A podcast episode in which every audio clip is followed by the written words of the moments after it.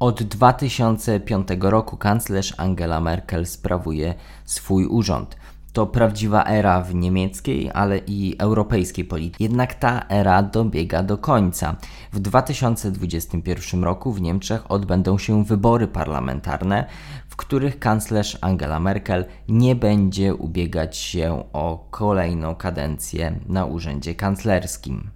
W związku z tym, że tak jak mówię, jest to wyjątkowy rok w niemieckiej polityce i będzie on wyjątkowo ciekawy i warto go obserwować ze względu na to, jak ważną rolę pełnią Niemcy w europejskiej, ale i światowej polityce. Ze względu na to będziemy Państwu regularnie przygotowywać niemiecki monitor wyborczy, czyli serię podcastów, w których będziemy opowiadać o kolejnych etapach tego procesu wyborczego, który w Niemczech trwa. A będziemy o tym rozmawiać z Anną Kwiatkowską. Dzień dobry Państwu. I Kamilem Frymarkiem. Dzień dobry. To jest podcast Ośrodka Studiów Wschodnich.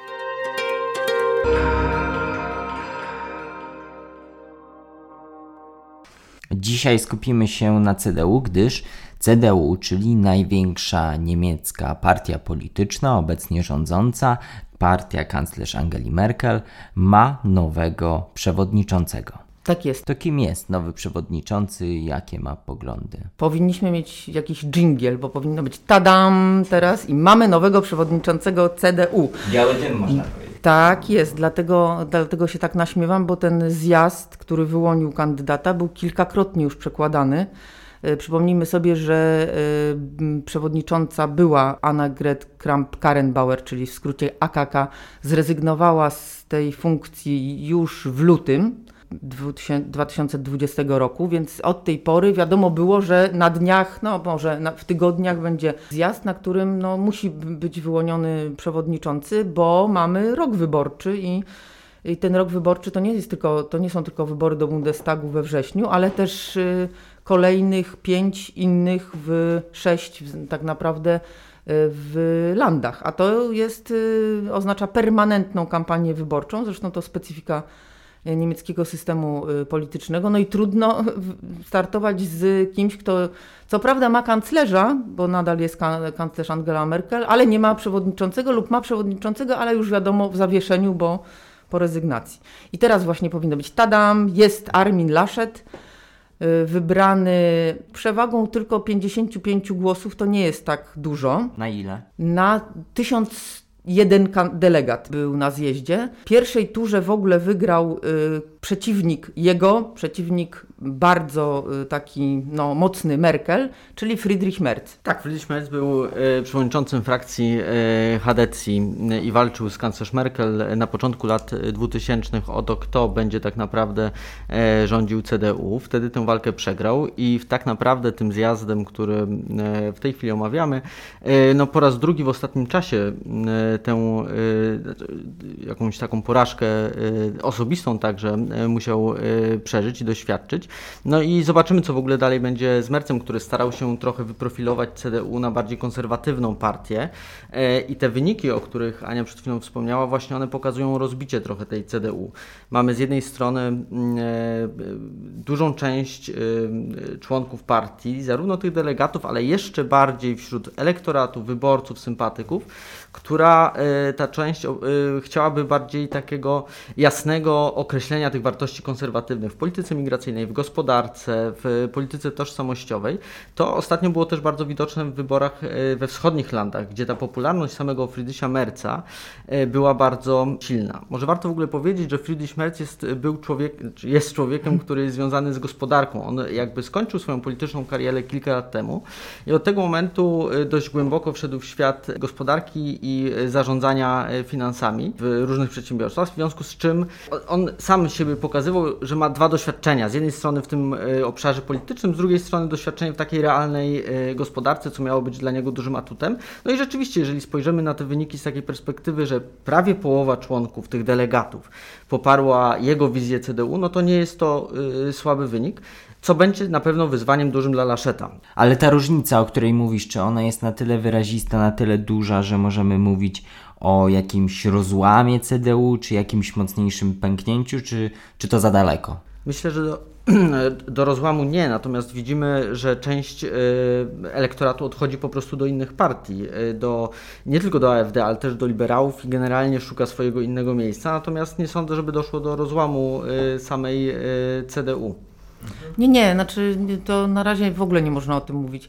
Tam są takie bardzo ciekawe dane. Y, gdyby wyborcy, y, gdyby, przepraszam, nie wyborcy, gdyby y, baza, członkowie CDU mogli zagłosować, bo oni nie głosowali, głosowali ich przedstawiciele delegaci to, y, to Merz by wygrał, bo w tych badaniach on wygrywał. Laszet go gonił, ale w takim wyborze, gdybyś miał, gdyby każdy miał kartę do głosowania, no to on by wygrał.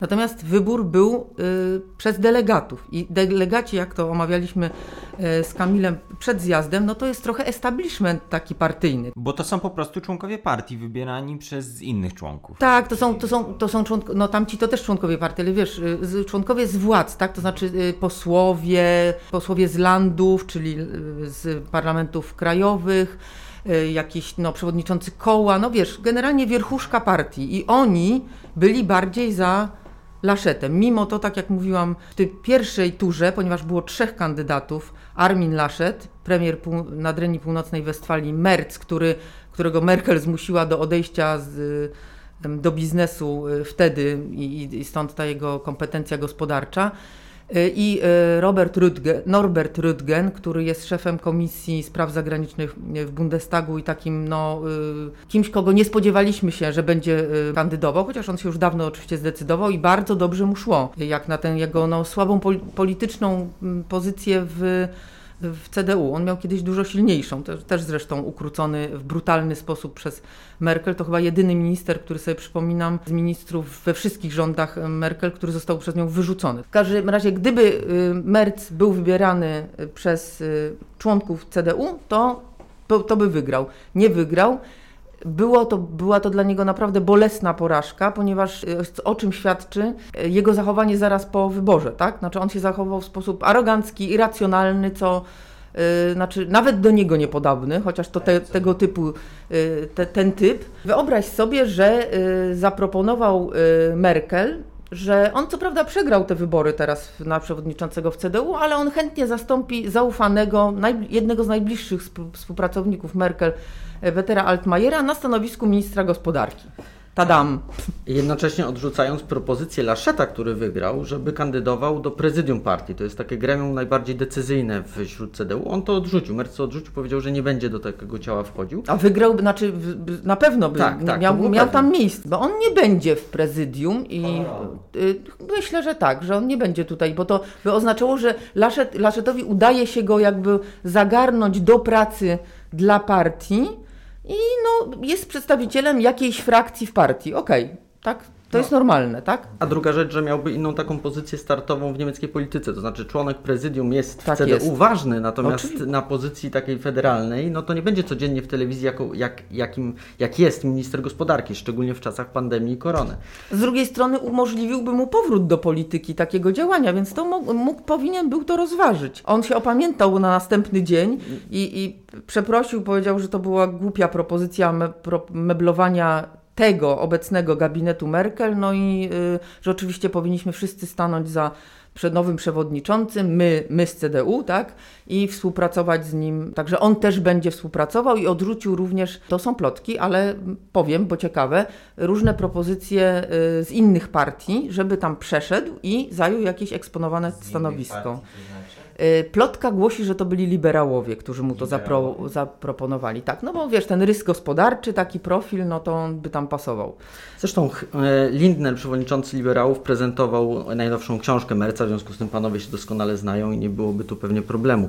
Warto jeszcze ewentualnie dodać, że ta e, propozycja, e, zarówno z którą wyszedł Merc, jak i odrzucenie wejścia do władz partii, spotkało się z taką bardzo nieprzychylną reakcją samych członków partii, no bo duża część Hadeków liczy, że Merc bardziej zaangażuje się w pracę partii, ale niekoniecznie od razu jako wicekanclerz, czy powiedzmy trochę mówiąc y, tak y, w pozycji jakiegoś ministra, tylko w takiej bardziej jednak codziennej pracy, też kampanijnej. Mamy te sześć wyborów landowych, tam jest potrzebna bardzo trudna, codzienna praca, jeżdżenie, namawianie, chociaż, i o tym też warto wspomnieć, ta kampania będzie zupełnie inaczej wyglądała. Mamy pandemię i za, sam zjazd, który odbył się całkowicie cyfrowo, pokazał, że mm, po pierwsze ta kampania właśnie będzie inaczej wyglądała. Jak może wyglądać i że CDU to umie zrobić. To jest e, zasługa w dużym stopniu e, sekretarza generalnego e, CDU Paula Ziemiaka, urodzonego w Szczecinie, który w krótkim czasie tak naprawdę przygotował od strony cyfrowej cały zjazd partyjny. Wysłał do wszystkich tych tysiąca jeden delegatów specjalne takie mm, komplety, w których były kody, tam były przygotowane dwie platformy, z jednej strony do głosowania, z drugiej strony do obserwowania całego zjazdu i angażowania się w niego i w zasadzie inne inne partie będą stawały też przed tym problemem. To znaczy, jak w dobie pandemii y, dotrzeć do swoich wyborców, a jednocześnie, mm, żeby to było jakoś atrakcyjne dla, dla tej y, dla elektoratu. Atrakcyjne, bezpieczne też epidemicznie, ale też bezpieczne hakersko, znaczy antyhakersko, bo y, okazało się, że kilka ataków hakerskich było na, na łącza jakby tego zjazdu i one zostały odparte, czyli no, tym bardziej po, po pokazuje to, co mówi Kamil, że ten zjazd naprawdę został dobrze, e, dobrze przygotowany. Wszyscy zresztą naprawdę byli zadowoleni. Mhm. Kandydaci byli w takiej bardzo trudnej sytuacji. Oni, te, ci trzej musieli wygłosić mowę i wiesz, no, masz ogromną salę, bo sala fizycznie była, gdzie siedziało to prezydium między innymi dotychczasowe i, i, i, puste krzesła, pusta sala, a oni stali i mówili jak do, no taka przemowa, jak, jak, jak trybun ludowy powinien, prawda, wygłosić świetną przemowę partyjną, mnie wybierzcie, ja jestem najlepszy i w ogóle. I z tego, z tego y, obowiązku wywiązał się w zasadzie tylko Laszet i y, Rüdgen i Merz. Mieli dosyć ciekawe przemówienia, ale takie bardzo partyjne, wręcz Merz popełnił moim zdaniem kilka faux pas związanych z odniesieniem się do kobiet i no nawet nie, nie zgłębiajmy tego. Natomiast Laszet miał bardzo dobre przemówienie, prawda Kamilu? Zdecydowanie. On się, widać, było jego doświadczenie dziennikarskie zdobyte w Bawarii e, wcześniej. E, on był bardzo dobrze przygotowany. Z jednej strony merytorycznie odwoływał się do pewnego programu, aczkolwiek to nie było clue jego wypowiedzi. On bardziej skoncentrował się na przekonaniu tych 100, 1001 delegatów, że chodzi chodzi o zaufanie i w pewnym stopniu kontynuowanie e, pewnego sposobu uprawiania polityki e, kanclerz Merkel, e, co dla dużej części deputowanych, deputowanych do Bundestagu, do Landtagu jest ważne. Na końcu zrobił bardzo ciekawą taki trik, wyszedł z tego pulpitu przygotowanego dla niego i zwrócił się bezpośrednio taką kamerę do tych wszystkich delegatów, którzy siedzieli gdzieś tam w domach i obserwowali ten zjazd partyjny i to bardzo dobrze zadziałało. Y, Merc miał z tym duży problem, to znaczy on starał się pokazać, że przemawia właśnie na, w takiej hali, raz z jednej strony, raz z drugiej y, spoglądał głową, ale było to dość sztuczne.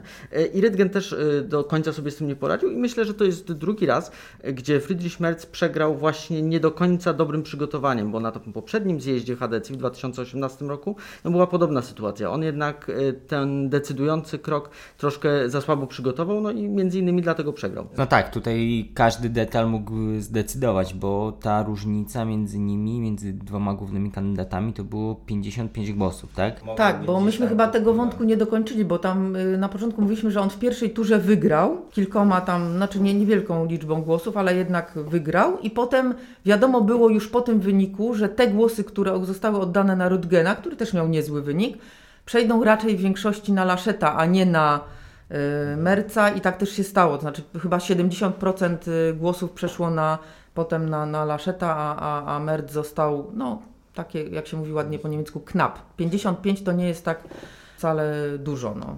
Mógł być rozczarowany, stąd pewnie to po, potem wzburzenie i dosyć głupie wystąpienie z żądaniem y, stołka ministerialnego w gabinecie. Tak. tak jak mówicie o tym zjeździe, który był bardzo dobrze przygotowany, to czy on waszym zdaniem ma jakiś wpływ albo może mieć wpływ na sondaże, na notowania CDU?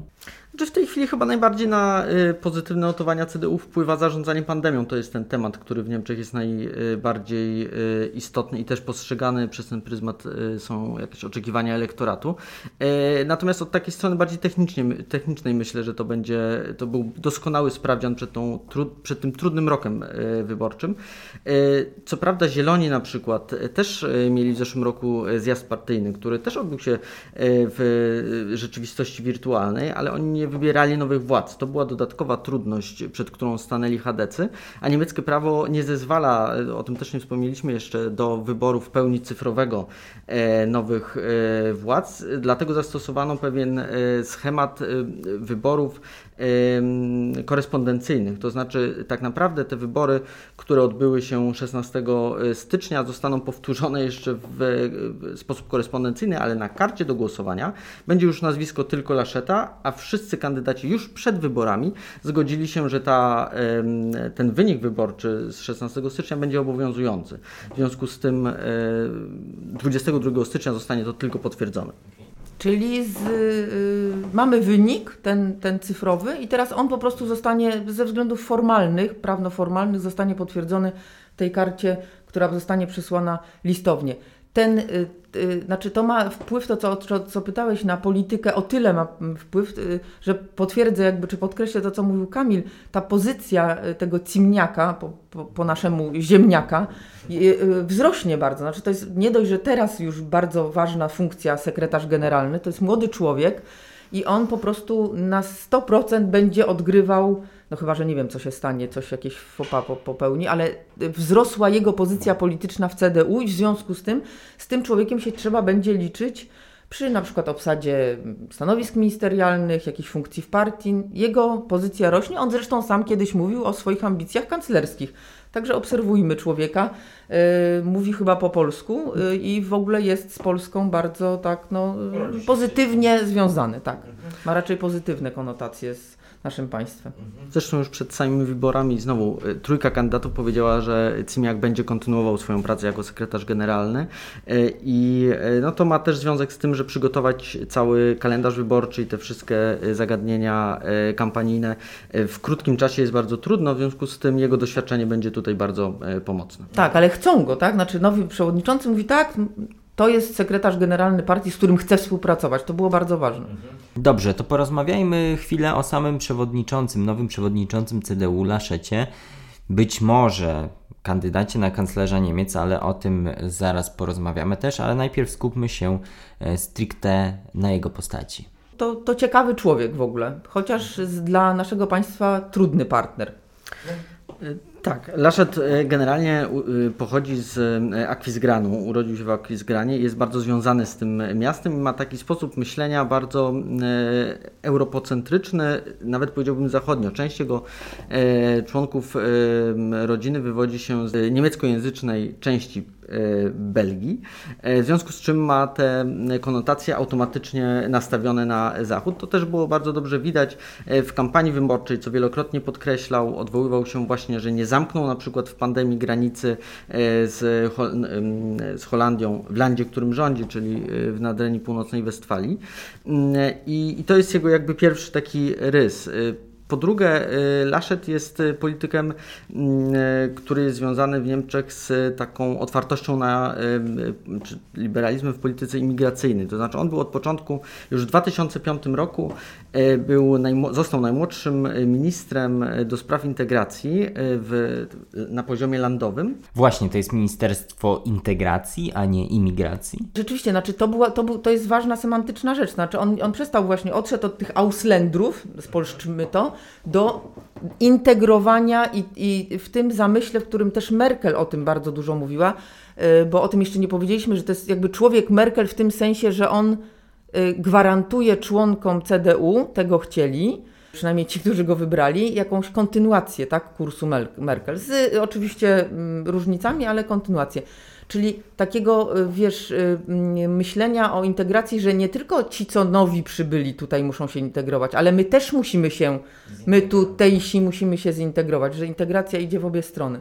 Także bardzo takie podejście mm, zachodnie, no bo to jest ten nadręczyk taki, taki no w odróżnieniu, my w Polsce to często tak odróżnialiśmy, że polityk z nadrenii, taki właśnie trochę erudyta, trochę niearogant, jak Prusak, tak? Znaczy, z którym się da fajnie rozmawiać, który ma dobre konotacje związane z Polską. Tam jest bardzo duża mniejszość polska żyjąca w w tym landzie, bo to zagłębie rury, kopalnie i mm, taki właśnie gwarantujący tego, ten utrzymanie kursu Merkel z tymi, mm, wiadomo, z, z jakimiś tam zmianami, no bo to będzie nowe otwarcie, ale właśnie prointegracyjny,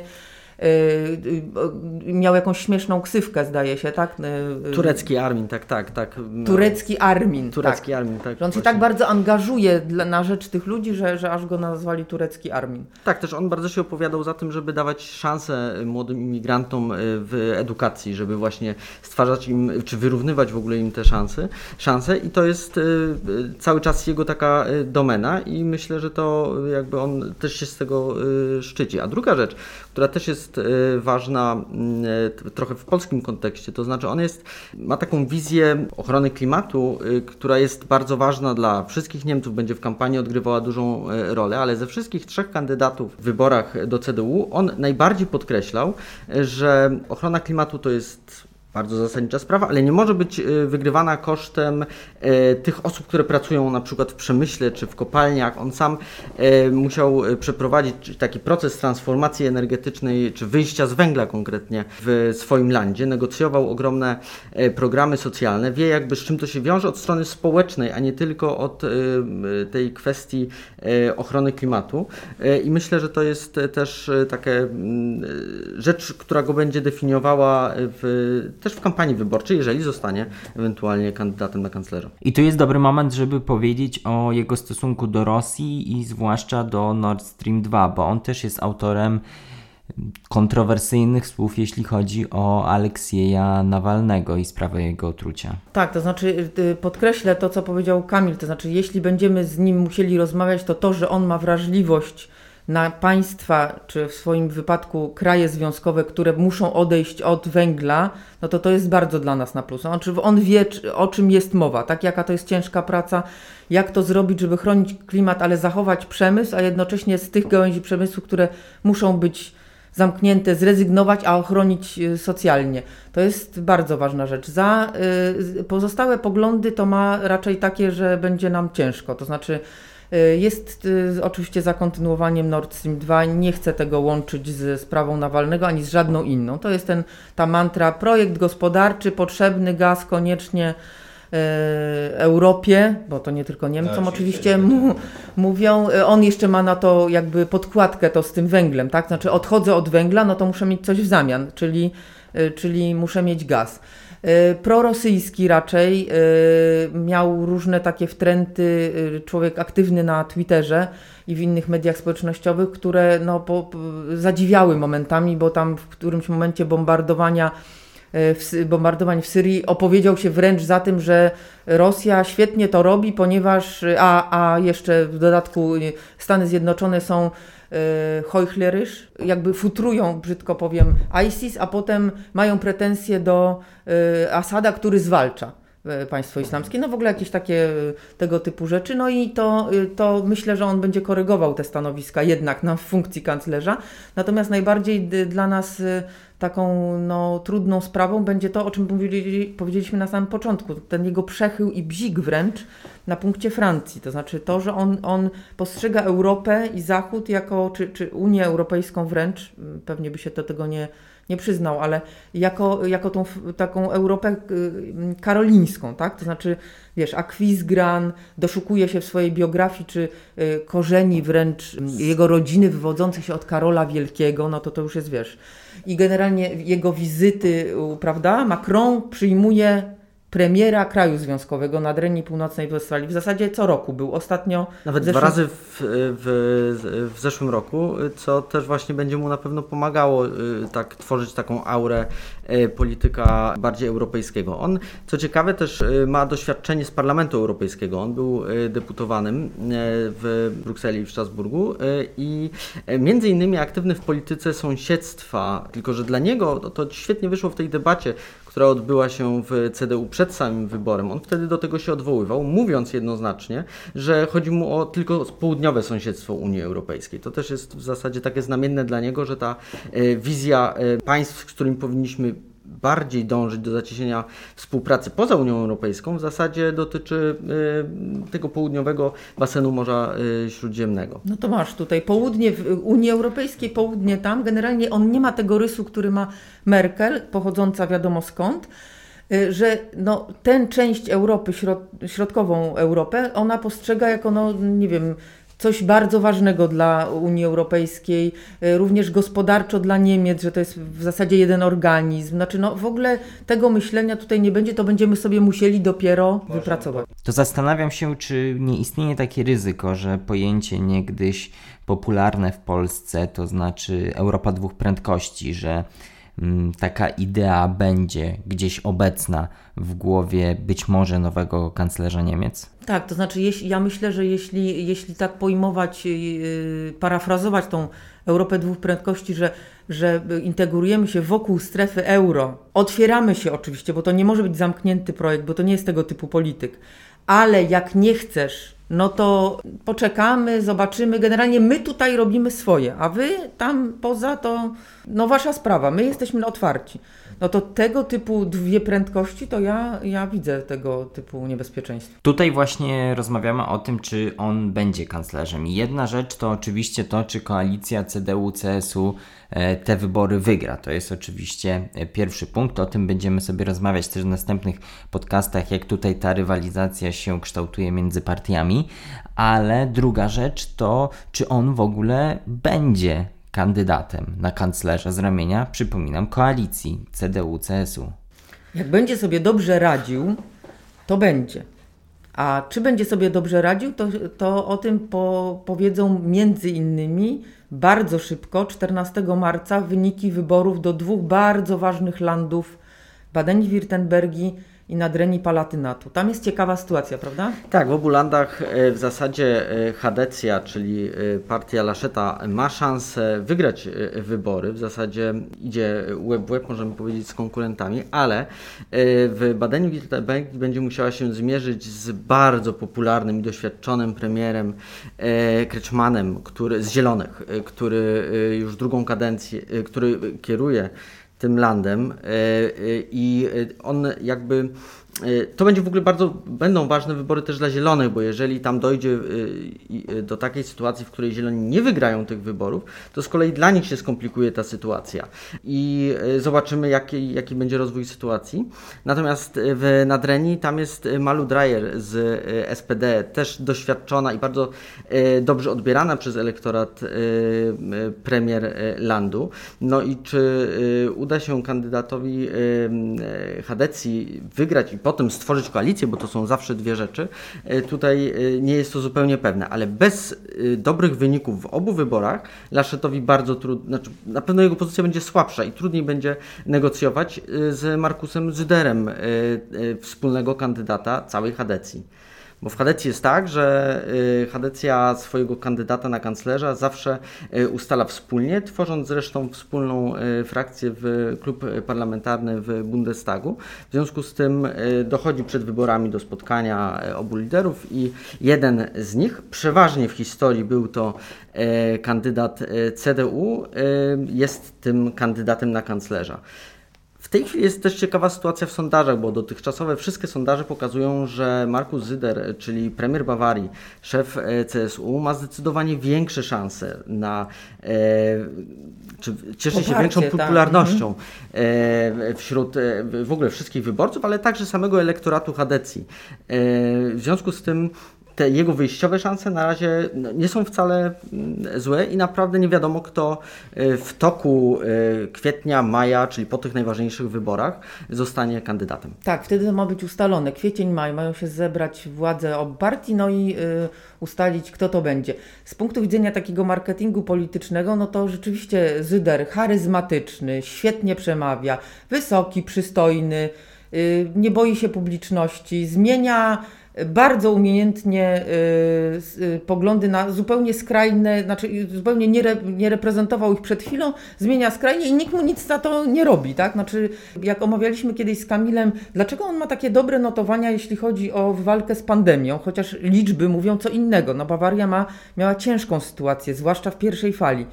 E, to, to ustaliliśmy, że on po prostu ma zalew pomysłów i jeden raz coś mówi takiego, drugi raz coś takiego. Sprawia wrażenie, że jest taki bardzo aktywny, bardzo, y, wiesz, świetnie zarządza, bo cały czas coś przedstawia i jedyne wytłumaczenie, które znaleźliśmy, no to ta jego taka aktywność i, i pokazanie, że on zarządza, coś robi. A Laszet jest właśnie tutaj zupełnie inny. On zbiera koła ekspertów, y, konsultuje się, ustala, to trwa oczywiście i to się publiczności tak zwanej niezbyt podoba. A jakbyśmy mogli porównać tych dwóch potencjalnych kandydatów, zwłaszcza z punktu widzenia polskich interesów, bo myślę, że to najbardziej interesuje naszych słuchaczy, czy możemy mówić, że któryś z tych panów byłby lepszym potencjalnym partnerem, któryś z nich jest może bardziej lub mniej prorosyjski?